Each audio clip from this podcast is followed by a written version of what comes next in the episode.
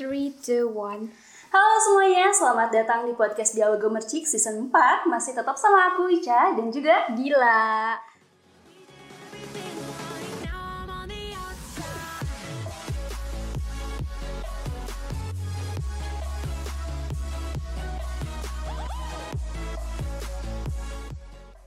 Seperti biasa, yang tentunya kita bakal nemenin malam minggu kalian untuk beberapa menit ke depan. Yaps, betul banget. Wah, ternyata cepet sekali ya Dil ketemu dengan malam minggu ini. Iya bener, cepet banget ya teh.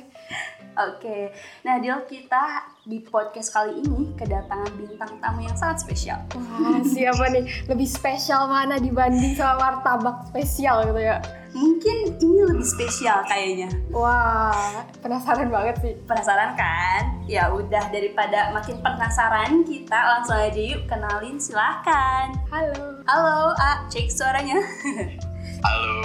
Waduh, semuanya. waduh, waduh, siapa Ada yang ya? kenal gak nih? Ada yang kenal gak nih? Ah, pada kenal lah pasti suaranya kalau mendengar orasi ya. Sering Iya, dengar orasi saya. Iya, silakan A untuk memperkenalkan diri barangkali ada yang kangen sama suaranya Agilang Oke, halo rekan-rekan eh, Gemercik Media dan rekan-rekan pendengar setia podcastnya Gemercik. Perkenalkan nama saya Gilang. Kebetulan eh, eh, saya di sini ditempatkan sebagai ketua BEM yang nantinya bakal berdiskusi dan bercerita tentang ya tentang unsil lah nantinya pastinya bakal seru banget lah. Iya Iya Oke A, terima kasih dan mungkin eh, enaknya nih A dipanggil apa nih? A, A, Kang atau saya ada request lain mungkin biar enak manggilnya. silakan aja panggil A. kalau dipanggil bang juga kan kalian rada kagok juga Iya. Oke, kita panggil aja A ya. Iya bener Karena memang tinggal di Sunda ini udah kebiasaan kalau misalnya manggil laki-laki itu AA ya. Iya bener, biar cocok sama lidah Lidahnya. orang Sunda. Eh, gina- kenapa A? asal yang teteh aja Ah, iya, ya enggak lah. Oke, ngomong-ngomong kabarnya nih ya, apa kabar? Baik-baik. alhamdulillah baik Alhamdulillah. baik selalu sehat selalu. Gimana nih ya, eh, sekarang lagi sibuk apa? Eh, kalau aku sih nyebutnya bukan sibuk karena aku mengutip perkataan dari Einstein Iya. be busy just be productive Alright, Betul. sangat produktif berarti ya. Terjemahannya apa? jadi jangan ya jangan sibuk lah cukup produktif aja jadi aku Hmm. manggilnya produktif bukan sibuk Oke, Oke. iya.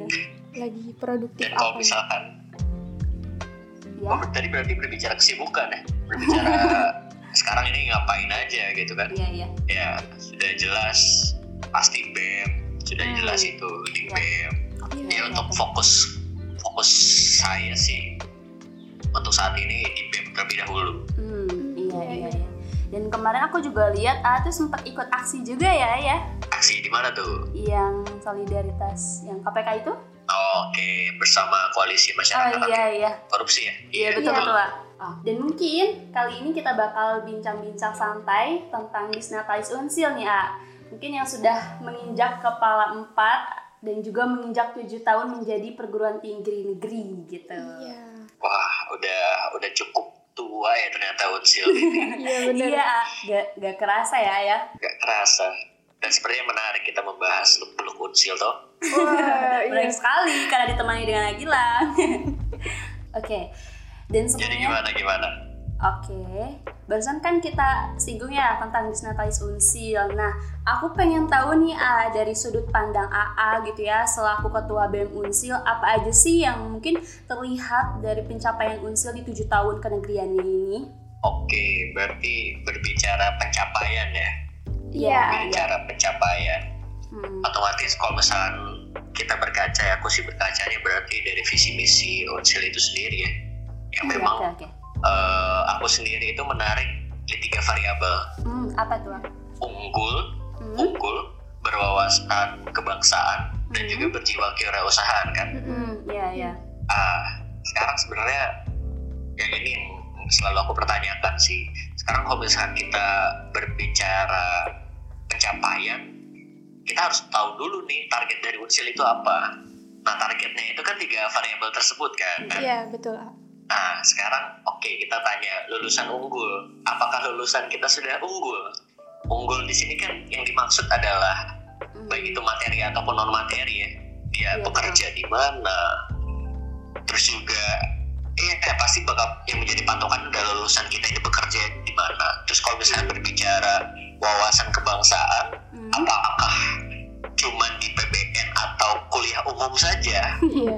tools yang digunakan oleh Unsil untuk menambah wawasan kebangsaan kita yang melihat ya PBN cuma satu kali doang pas kita jadi maba ya kan Iya Iya, betul iya. betul. Ah, itu pun yang kita kerasa adalah kulit kita semakin hitam gitu kan. Yang menurut kita, Iya. yang menurut kita itu eh, tidak bisa menjadi tools andalan Hmm. atau hanya jadi satu tools doang gitu untuk menambah wawasan kebangsaan kita kan. Hmm. Ya sekarang saya tanya lagi, eh, kalian lupa nggak materi-materi kuliah umum dan materi-materi PBN kemarin selama satu minggu? Ya udah lama banget dan lupa gitu aja cuman sekilas doang gitu dan itu juga mungkin bisa di searching di Google Iya. kayak gitu. Ah, itu dia. Itu dia. Sekarang kalau misalnya berbicara eh, jiwa kewirausahaan, Unsil Iya. itu pinter. Pinter apa Pinter. Tuh? pinter kenapa? Pinter kenapa tuh? dalam pem- dalam pembuatan visi misi, Unsil Hmm. itu nulisnya jiwa kewirausahaan. Sekarang kalau Iya. misalkan eh, kita mikir jiwa kewirausahaan Hmm. bisa diukur nggak? Relatif juga ya ayah jiwa. Ah, Iya. sekarang aku nanya juga ke kalian, kalian punya jiwa kebangsaan nggak? Dan ya bisa diukur nggak? Nggak bisa karena ya jiwa jiwa itu nggak kelihatan. Iya benar. Ya Iya, kelihatannya bisa bisa terlihat dari perilaku sikap. Nah makanya aku menyimpulkan jiwa kewirausahaan ini bisa dipatokan ke dalam kuantitas si pebisnis-pebisnis yang ada di Di unsil ini. ya. Unsil Iya. kayak gitu. Nah sedangkan sekarang kamu tahu nggak kuantitas eh, pebisnis masa Unsil apakah sekarang sudah masif atau belum nih perihal masalah wirausaha di Unsil? Sepengetahuan aku mungkin aku nggak terlalu tahu mungkin ya. Mungkin agak sedikit apa ya belum banyak sih menurut aku. Ya walaupun udah ada beberapa pro- Iya. program ya kayak yang eh, pendanaan untuk kewirausahaan seperti Hmm. itu ya. Nah sekarang saya tanya lagi, jadi kalau bisa berbicara. Jadi ini berbicara kita yang balik nanya iya ya gimana? Ah gimana? Ah kalau misalkan sekarang berbicara pendanaan, hmm. ya Unsil itu Unsil itu banyak uang, Iya. pemerintah Wow. dari kita. Jadi kalau misalnya sekarang tupoksinya cuma memberikan uang ya bisa kita juga. Iya betul betul sih setuju Iya toh. Nah sekarang kalau misalkan kita berbicara mencetak, apakah Unsil sudah signifikan dalam mencetak wirausahawan-wirausahawan di Unsil? hmm. Wah, sepertinya itu belum harus terlihat dijawab oleh ini ya, oleh masyarakat Unsil itu sendiri ya. iya iya iya Ah, sekarang kamu eh, tahu nggak Unsil berapa kali dalam satu tahun mengadakannya webinar workshop tentang kewirausahaan? Ada nggak? Kalau yang lewat-lewat di timeline saya itu ada sih A, ada cuman ya mungkin belum Bisa ter- dihitung jari lah ya. iya nggak terlalu baik juga sih ah Mm-mm. Ah, itu dia. Jadi kalau misalnya berbicara ketercapaian 7 tahun Unsil PTN dan juga 43 tahun Unsil berdiri, Uh-uh. sekarang sekarang kita pun nggak bisa menjawab karena memang mungkin Unsil nggak punya indikator-indikator keberhasilan gitu kan. Hmm, iya iya iya iya. Berarti memang perlu adanya penyusunan itu juga ya, A. Perlu karena mereka itu bertanggung jawab ke senat aja, ke mahasiswa tuh nggak pernah dikasih tahu indikator-indikator keberhasilan apakah tahun ini udah tercapai. Apalagi sekarang periodisasi akhir rektor gitu kan. Iya betul Iya. betul betul. Ya walaupun uh, dari semua kekurangan Unsil uh, saya yakin uh, rekan-rekan rektorat dan semua lini yang ada di Unsil itu sudah bekerja keras.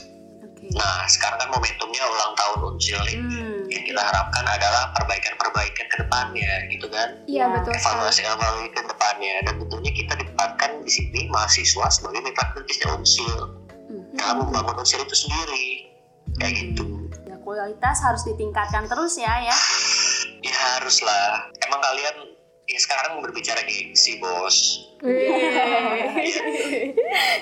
Sekarang berbicara gengsi. Kalian masih punya gengsi nggak ngomong ke UI, UGM, ITB?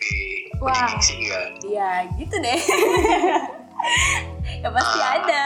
Stigma tersebut nggak bakal hilang. Kalau misal kita sebagai mahasiswa itu hanya diam Hmm. dan membiarkan ya para rektorat ini berjalan sendiri nggak bisa kayak gitu. Karena kita di situ sebagai objek sebagai sasaran sebagai peserta. Yang memang ya rektorat membuat program-program itu untuk mahasiswanya. Sekarang kalau misalkan kita sebagai peserta sebagai objeknya diam tidak Hmm. mengevaluasi ya nggak bakal bener sono-sononya ya terus harus didampingi terus ya ya. Iya. Iya terus sampai mau kapan? Ketika kita ngasih tahu kita kuliah di Unsil dan mereka tetap nggak tahu Unsil di mana gitu mau sampai kapan?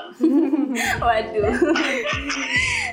Pengalaman kan? Iya betul lah emang sih kayak gitu. Unsil di mana emang ada gitu? Ada kadang ada yang kayak gitu. Iya. ah itu dia. Karena ini kan berbicara bergen kampus Hmm. itu ini bergennya apa ITB kampusnya bergen ya teknologi gitu kan. Mm-mm. iya iya minus ya bergennya ya memang benar-benar kampus yang mencetak wirausahawan wirausahawan muda lulusan binus itu semuanya pebisnis semua gitu nah sekarang bergen unsil apa Hmm, iya. yang sebenarnya ya mungkin karena kan pernah tahu unsil itu kan kampus perjuangan ya Iya, disebutnya kampus perjuangan ya. nah menurut kalian apa yang diperjuangin kualitas pendidikan kali ya Ah, kalau misalnya saya baca-baca dan diskusi-diskusi dengan rekan-rekan yang memang terbilang sudah lama di Unsil ya. Yang dimaksud kampus perjuangan itu bagaimana dulu yang cita-cita Pak Mas Hudi Hmm. itu memperjuangkan hak-hak masyarakat Tasik khususnya untuk bersekolah, Hmm, iya, lebih ke pendidikan untuk ya. punya pendidikan yang layak. Iya. ya Nah, apakah sekarang cita-cita dari Pak Mas Hudi itu pendiri Unsil masih tetap dipegang dan dilaksanakan oleh Unsil gitu kan? Kalau misalkan berbicara UKT banyak yang berhenti kuliah gitu kan gara-gara UKT. Nah, itu dia. Oke, ya. Wah, ternyata panjang sekali ya Iya. jika dijabarkan gitu ya tentang pencapaiannya. Oke, Aduh, panjang banget. iya. Kayaknya nggak akan eh, selesai satu episode nih kalau ngobrol bareng sama Gilang kayaknya. bener. Detail banget. Ya nggak apa-apa. Iya. Nggak apa-apa biar kayak TikTok kan. Biar kayak TikTok oh iya bener-bener ada part-partnya gitu ya. Oke, tadi kan Nah, itu. Ya, tadi kan kita ngomong nih pencapaian unsil gitu ya. Kalau misalnya dari pandangan A sendiri, apa sih yang memang masih kurang atau misalnya belum unsil lakukan dibanding uh, perguruan tinggi negeri lainnya gitu? Iya, tadi juga sempat di-mention ya Iya, beberapa dibanding PTN-PTN yang sudah sebutkan tadi. Nah, apalagi nih? Ya, mungkin ada lagi mungkin. Oke, aku juga beberapa kali eh, apa ya sempat melihat diskusi-diskusi perihal masalah ini kampus harusnya bagaimana. Tapi secara general ya bukan terkhusus kepada UNSIL. Iya, iya. Yang harus dilakukan pemerintah Hmm. ataupun dari rektor itu sendiri sebenarnya fokus UNSIL ini mau dijadiin kampus apa. Kita punya bergen di mana, kita punya fokus disiplin ilmu di mana. Kayak tadi saya bilang, ITB teknologi, terus juga binus tadi wirausaha. Nah, apakah Unsil ini tentang startup, tentang sosial masyarakatan atau bagaimana gitu? Ini harusnya jadi fokus. Oke, oke, oke. Harus ada jadi punya brand tertentu gitu ya. Nah, itu dia. Dan satu lagi nih, ini sedikit ekstrim sih. Wah, apa nih ekstrim? Waduh, takut nih. Solusinya satu, Apa tuh, A? Ih, bikin penasaran. ganti semua orang di dalam rektorat yang mempunyai pemikiran-pemikiran kolot. Ah, itu. Nah, ini gimana nih, A? Gimana? Maksudnya gini, ketika kita berbicara, eh, ini kamu pernah nggak sih kayak ngalamin hidup? Aku analogikan gini, kayak kamu ngelakuin hal ini, tapi orang tuamu memilih kayak "Ih, ngapain sih ngelakuin hal itu? Ini hal yang baik buat kamu. Pernah kayak gitu nggak sama orang tua? Oh iya, pernah sih, A. Pernah kayak gitu. Dan Ah, itu.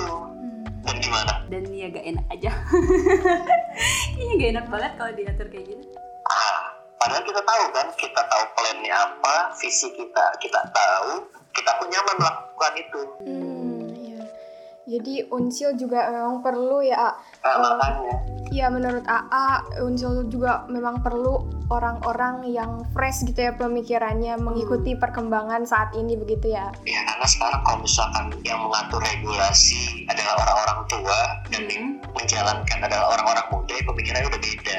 iya Makanya kan dulu itu banyak orang-orang tua diculik Rengas Dengklok gara-gara ya udah proklamasi aja Iya, gitu iya. kan sama anak muda Iya betul betul sih ya. Iya ya, kalau berbicara eh, ke sejarah seperti itu ya. iya itu pemikiran-pemikiran tua yang nggak bakal masuk ke kita Oke, ternyata seperti itu dan guys. sekarang dan sekarang Iya. bakal Iya bagus gimana? Gimana? sebenarnya nggak apa-apa nggak apa-apa ada banyak Hmm. orang tua juga dan direktorat Iya. cuman kalau misalkan masalah kalau misalkan dia bisa mendengarkan aja apa yang kita Hmm. inginkan mungkin itu bagus cuman kan masalah demokrasi di kampus sendiri kan kita juga masih jadi PR toh Iya betul. Ah, Nah mungkin kita beralih topik lagi nih A. Dari segi kesejahteraan nih mahasiswa, menurut AA sudah sebaik apa sih kita mahasiswa hmm, apa ya mer- merasakan kesejahteraannya gitu. Terus apalagi kan kita sekarang menghadapi pandemi gitu kan A. oke kesejahteraan dan pandemi ya Ah, itu bagus tuh dijadiin judul podcast Waduh ada ide baru gitu ya. Ada ide. Ah, sekarang gini kalau misalkan kita berbicara mahasiswa itu bakal beda Hmm, bedanya indikator apa? kesejahteraan mahasiswa antara dan masyarakat betul nggak Iya betul betul sih. indikator kesejahteraan masyarakat itu ya bisa makan Iya. makanan murah Hmm, Iya. betul. Dan sebagainya itu murah Iya. nah sekarang kalau misalnya berbicara mahasiswa indikatornya apa ya tentang akademika Iya, Hmm. betul. bagaimana bukan hanya fasilitas ya karena Iya. eh, yang selalu menjadi orientasi dan fokus orang lain itu ke fasilitas fasilitas fasilitas Iya. karena Iya. kebutuhan mahasiswa itu bukan hanya itu Hmm. Yang paling penting pendidikannya ya ya. Apa ya yang Iya. ia dapat gitu kan? fasilitas bisa dimasukkan indikator tapi ada variabel-variabel lain juga yang harusnya eh unsil itu khususnya ya bisa memfasilitasi bagaimana ya sekarang ini kayak mahasiswa itu kan kebutuhannya banyak mulai Hmm. dari belajar Iya. apakah SDM dosen-dosen itu bisa sudah mem- memenuhi keinginan dari mahasiswa itu sendiri kualitasnya Hmm. itu yang pertama terus juga perihal masalah strategi pembelajaran Hmm. itu bagaimana udah ada belum ya walaupun ada pedoman akademik tentang covid ya cuman itu Hmm, pasti iya. nggak dilaksanakan sama dosen Iya, karena dosen kita pada tua Iya, ada yang gaptek ya, yang masih gaptek mungkin. ada banyak bahkan karena kan pembelajaran di kita jawab waalaikumsalam aja itu kan absensi gitu iya sih ya. iya Ah, terus apalagi fasilitas sistem pembelajaran terus juga eh, dari pendidiknya sendiri bagaimana terus juga fasilitas fakultas jurusan dan universitas kalau misalkan mahasiswa yang ingin lomba mengikuti studi exchange apakah Hmm. bisa memfasilitasi itu kan banyak Iya. Jadi em nah apa apa gimana gimana gimana? A dulu. iya kalau misalkan sekarang kita orientasinya hanya fasilitas ya Hmm. kita fasilitas sudah bobrok lah Betul. penelitian aja bayar kan Hmm, iya iya.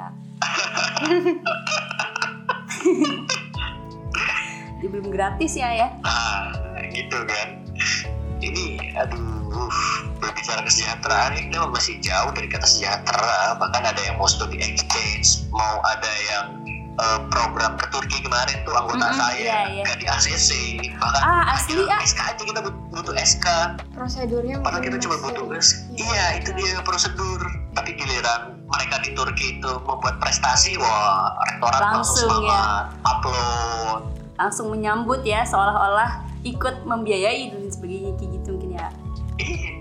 Padahal ya seribu perak pun enggak dari mereka.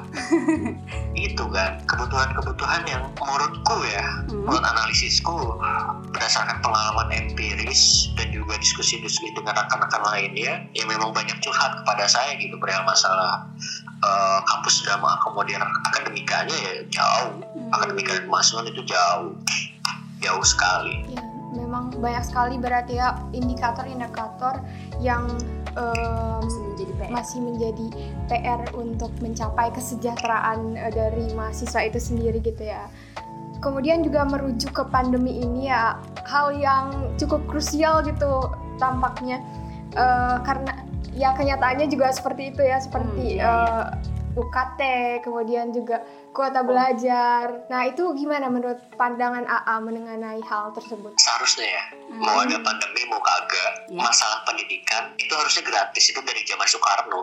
Hmm. Di zaman Soekarno itu dengan tema building karakter itu tuh kuliah gratis, sekolah gratis. Tapi dulu tuh ada syaratnya. Setelah lulus itu itu mereka mengabdi kepada pemerintah, kepada negara. Ya sekarang gimana mau mengabdi? CPNS aja rame banget kan? Iya iya iya. itu. Muncullah di rezim selanjutnya. Di situ kita uh, melakukan perjanjian GATS dan masuk kepada WTO Organisasi Perdagangan Jasa. Karena memang pasca uh, krisis moneter ya di situ pemerintah memotong subsidi tentang pendidikan. Hasil ada kampus namanya BHMN Badan Hukum milik negara. Di situ ada UI, ITB, IPB, UGM empat kampus percontohan yang memulai awal dari liberalisasi kampus dan juga komersialisasi pendidikan. Nah sekarang berbicara COVID, ini mau ada COVID bu kagak, harusnya kuliah itu gratis. Gak usah bayar ya. Negara harusnya bertanggung jawab. Betul sekali, negara harusnya bisa bertanggung jawab. Di sini aku nggak menyalahkan Unsil, karena memang nanti Unsil ujung-ujungnya ngembaliin ke negara lagi tuh. Iya. Hmm. Itu dia. Terus juga tadi tuh pernah masa UKT ya, UKT. Iya. Sekarang kebijakan dari UNSI itu walaupun ada si UKT, UKT, tapi kan itu nggak bisa mengakomodir seluruh mahasiswa. Dan yang terdampak itu banyak sekali, Pak.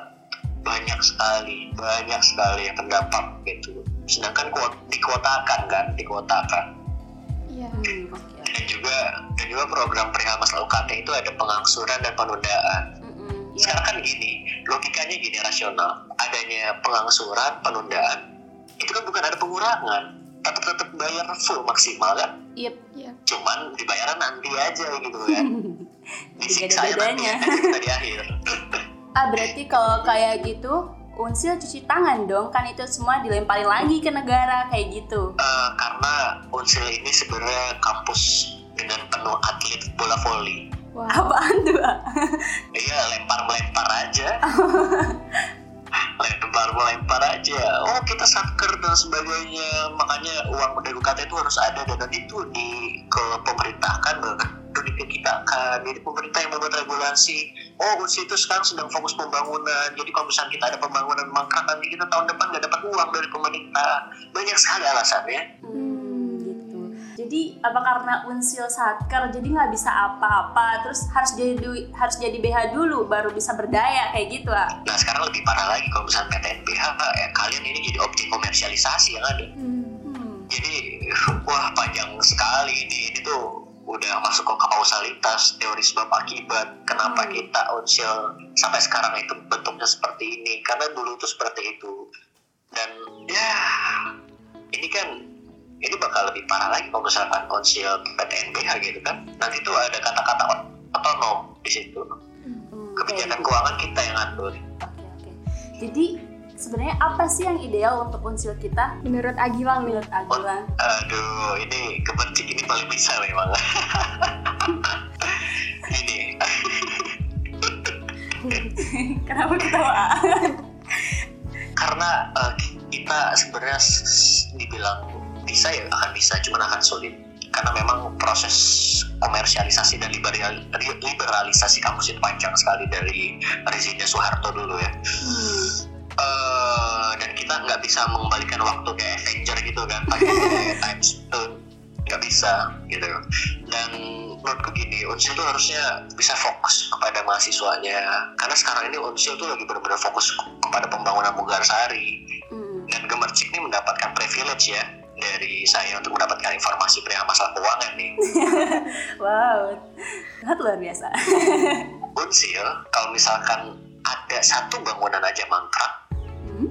tahun depan nggak bakal dapat uang miliaran dari pemerintah. Nah, uang miliaran itu buat apa lagi? Ngebangun lagi yang lain. nih. Terus kita yang terdampak COVID gimana? Ya, itu dengan kata pengangsuran dan sebagainya itu ngebuat kita kita tenang padahal ya ujung-ujungnya kita tetap bayar gitu dan ketakutan unsil kayaknya untuk hal itu dibahas lagi makanya dia ngeluarin si UKT itu di awal-awal bahkan semester baru ini belum muncul kan ya Iya, iya sih. Iya, si UKT ini awal banget, kayak udah takut duluan dia itu untuk kayak Antisipasi gitu ya. iya antisipasi lah. Seru banget ya ngobrol. Kayaknya sampai sedetail itu gitu kan. Dan mungkin pertanyaan yang mungkin jadi terakhir bisa jadi gitu ya. Mewakili mahasiswa gitu ya. Bagaimana sih pandangan AA melihat Unsil sebagai universitas negeri dan apa yang ingin disampaikan untuk Unsil? Ah oke ini nih yang apa ya harapan ya harapan ya Iya, harapan. di sini ah ini apa ya sebenarnya saya sendiri tuh nggak hanya ingin berharap dan sebenarnya dari Unsil sendiri itu ada lomba ucapan disnatalis sebenarnya yang dilombakan. Cuman Iya. dari BEM kayaknya nggak bakal ngucapin karena dalam Islam itu tidak boleh mengucapkan selamat ulang tahun. Oh jadi nggak akan ya ya? Karena ya sama halnya gitu kan dengan manusia semakin tua umurnya semakin bertambah umurnya harusnya kita sama-sama mengevaluasi. Ke depannya ini usia ini harusnya bagaimana? Usia ini harusnya bagaimana? Dalam uh, mengevaluasi kinerjanya beberapa tahun ke belakang. Mulai dari pembenahan visi misi pembenahan pikiran-pikiran kolot yang ada di rektorat pembenahan semua lini yang ada di unsil Hmm. dan unsur bisa fokus kepada kesejahteraan mahasiswa bukan hanya fasilitas. Ya fasilitas itu udah nol banget gitu. Bukan hanya fasilitas tapi juga variabel-variabel lain yang mencakup kesejahteraan mahasiswa dalam akademika gitu kan. Hmm. terus juga perihal masalah dosen. Ini kita harus ada pembaharuan lagi. Kita nggak bisa bertahan dengan dosen-dosen yang mohon maaf gitu ya. Sudah Hmm. cukup umur dan ini nggak bisa masuk lagi kepada pemikiran-pemikiran kita. Ya itu metodenya udah beda banget nggak fresh. Kayak itu untuk harapan-harapan besarnya ya. Kalau harapan kecilnya ada. Harapan kecilnya ya? Harapan kecilnya rektor bisa membuka kuping dan matanya untuk mendengar mahasiswa dan melihat kondisi mahasiswa itu sebenarnya bagaimana. Setuju setuju. Jadi dimulai dulu dari hal-hal yang terkecil aja dulu gitu ya. iya ngelihat dan ngedenger aja udah. Iya. kayak gitu. Karena karena kan eh, mungkin sebagai perempuan ataupun laki-laki ya kalau misalnya kita analogikan dalam pacaran nih kita tuh cuma pengen didengar dan dimengerti aja gitu kan iya. waduh Berpengalaman ya. iya lu nggak perlu kayak melakukan effort yang lebih kalau misalnya lu nggak sanggup dan nggak mempunyai kapasitas lu cukup nggak dengerin gua lihat kondisi gua kayak gini dan lu mengerti it's fine hal sederhana kayak gitu. Iya, iya. Tampaknya Agilang nih berpengalaman gitu ya. dalam bidangnya. Aduh. Bahaya jangan di sini ya. Di luar aja ya ya. Oke oke oke. Iya di luar aja tanpa recording. Ya ya siap siap pak. Oke ngomong-ngomong nih ya dari visi misi unsil nih eh, yang masih relevan atau misalnya masih dilakukan sejalan oleh lembaga unsil apa atau misalnya sudah melenceng? Ah, oke. Sekarang berbicara lulusan unggul ya, dan itu pastinya nanti bakal berpengaruh pada metode pembelajaran, indeks pembangunan manusia yang salah satu variabelnya adalah pendidikan. Otomatis kita harus harus pembenahan eh, apa ya pendidiknya juga kan Hmm. hmm, ya, ya. itu sih dan wah yang kalau misalkan berbicara relevan sih ya tentunya PBN ya tiap tahun kita melakukan PBN dengan semangat sekali gitu kan walaupun pandemi secara online tetap PBN iya online. Ya walaupun gak ada PBB lah ya. Iya. gak ada PP gak ada gak ada bajunya gak ada topinya. Nggak panas-panasan. Nah, ya iya. Menurutku eh, PB, PBN itu ya. Hmm. menurutku ketika aku berhasil melaksanakan PBN itu ketika kulitku udah belang nah itu aku udah berhasil tuh melaksanakan PBN iya iya menikmati sekali gitu ya. Nggak bercanda-bercanda nanti. Wah, kira bener lah. PBN nggak perhatikan materi dan nggak bisa PBB jangan-jangan. Hanya ikut long march aja enggak enggak Hmm. iya buat dapat sertifikat doang kan ya oh aduh karena kan ini nih yang menarik di Unsil tahu nggak apa? Apa? Mahasiswa nggak akan melakukan sesuatu tanpa adanya paksaan iya iya. Dan ada karena tujuan tertentu. Dari dapat sertifikat. Iyalah iyalah. Sertifikat oh ini aku nggak bisa skripsian kalau nggak ada PBN nggak bisa lulus. Ya udahlah ikut aja lah. Jadi ya belum banyak berinisiatif ya mas Waunsil itu. Nah, karena inisiatif itu nggak bisa diukur ya. Aku pun mikir ya mungkin hanya sebagian ya kita harap hanya sebagian saja gitu kan. Sisanya punya inisiatif tersendiri. Wah seru seru banget. Karena ini udah sampai setengah jam. Sebenarnya pengen ngobrol banyak cuman eh, takutnya keterbatasan waktu kan ya. Eh, nggak apa-apa lah nanti mungkin di lain waktu kita bisa ngobrol bareng lagi ya ayah. Iya. iya silahkan kalian bisa mencari tema-tema yang lebih apa ya yang mungkin ya bisa menggemparkan unsur silahkan gitu kan saya sangat semangat iya, sekali iya. untuk menjawab jawabnya kan Iya, topik-topik yang lain ya, yang lebih menarik gitu ya. iya walaupun ini sangat menarik ya karena memang momentumnya di Natal Sunsil ya. dan untuk dan untuk spoiler aja ya dan untuk spoiler aja Iya, siapa sepertinya seperti sepertinya kita di akhir bulan nanti bakal ada diskusi terbuka gitu kan Hmm. dengan rektorat dan itu Iya, terbuka untuk masalah perihal masalah pencapaian visi misinya Hmm. ya itu spoiler aja sih gitu kan. Iya, iya dan eh, buat sobat gemercik nih yang eh, mau usul gitu ya topik-topik apa yang eh, mau dibicarakan bareng Agilang Wah, di bisa podcast tuh. Dialog Gemercik ini bisa tuh ya di DM ke Instagram gitu ya. Hmm. ya mungkin mahasiswa udah udah bosan kali ya mendengar saya berbicara tentang akademika kemahasiswaan kampus dan sebagainya tema apa pun silahkan lah Iya, Iya. siap siap. Oke. Terima kasih Agilang sudah mau menyempatkan waktunya untuk berbincang-bincang di podcast Dialog Gemerci. Semoga sukses dan sehat selalu, A. Iya betul dan di- ditunggu Siap. juga dialog terbukanya ya Ayah. siap siap siap siap itu kan ya nanti minta bantuan juga kan untuk kepenting bisa memasifkan informasi-informasinya nanti Iya. Siap 86, A.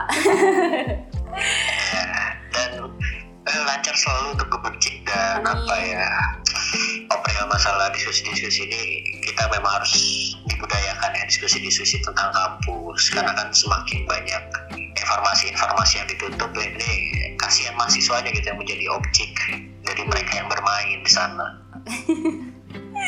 Oke, oke, A. Siap, A. Terima kasih, A, sekali lagi. Dan jangan Iya. lupa buat teman-teman eh, podcast Dialog Gemercik buat follow Follow Spotify Gemercik Podcast, IG dan Twitter. Gemercik Media dan subscribe juga YouTube-nya Gemercik Media dan juga jangan lupa download, Download aplikasi. aplikasinya Gemercik Media Mobile Apps di Play Store. Oke. Terima kasih. subscribe itu gratis ya Iya, Iya. betul. Agilan juga jangan lupa ya. Ya oke oke Iya. Oke. Terima kasih semuanya. Dadah. Sampai sampai jumpa di podcast selanjutnya. Dadah.